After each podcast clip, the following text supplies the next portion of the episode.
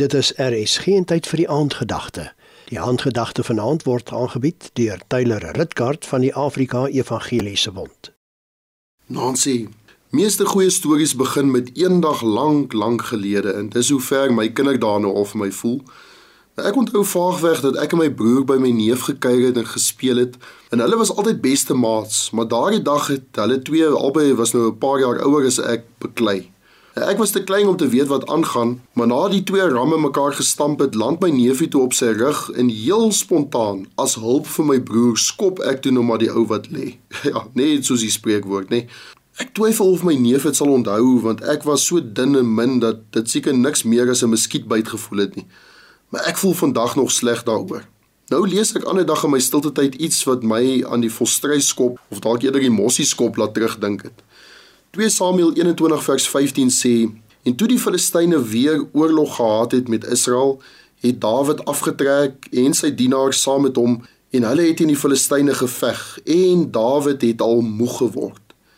En Jesbi Benop wat uit die kinders van die Refaite was, die gewig van sy spies was 300 sikkels koper in gewig en hy was omgord met 'n nuwe swaard, het gedink om Dawid te verslaan.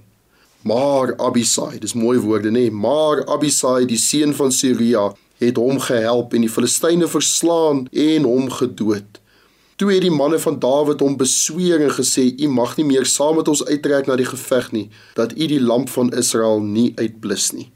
Dit moes iets besonders gewees het om agter Dawid aan uit te trek in die oorlog. Hy was mos nie sommer net enige koning nie. In Israel was sy oorwinnings deur God se instaatstelling the stuff of legend soos die Engelsman sê. Hy het nie net op die troon gesit nie, hy was die vegter, 'n man wat sy troepe met gesag kon lei soos geen ander nie. Maar nou ken ons mos die Engelse spreekwoord: Uneasy rests the head that wears the crown. 'n Hoë boom vang die meeste wind. En nie net in sy eie geleedere of in sy eie huis wou mense hom van die troon afkry nie, maar ook Jespi beenop. Nee nee, wag.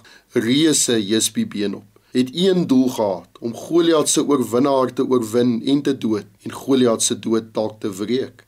Vir die doel het hy 'n nuwe swaard saamgebring, blink en skerp. Mens wil sê Dawid se naam het daarop gestaan.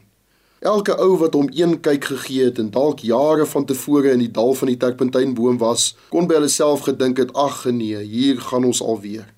En meer is dit. Hier gaan Dawid, ons held Dawid, nie soos jare terug vinnig na die vegtery nie. Nee, Dawid leun op sy swaard, want Dawid was moeg. Een van twee dinge kon nou gebeur. 'n Jaloerse Israeliet kon sê: "Manne, wag. Dawid het vir Goliat en die 10000e verslaan. Kom ons kyk of hy dit nog in hom het." Of Abisai kon sy swaard uitpluk en die reus bestorm. Let wel, Abisai het nie vir Dawid bestorm nie, maar vir Jespi beenop en die ou is gedood. U sê vir my u skop daarmee u neefie as hy lê nie. Mooi. Maar wat van u predikant of pastoor, u broer of swaar, projekbestuurder by die werk of dalk u kinders se skoolhoof? Dalk het die matrone al deurgeloop die afgelope jaar onder die tonge of aanvalle.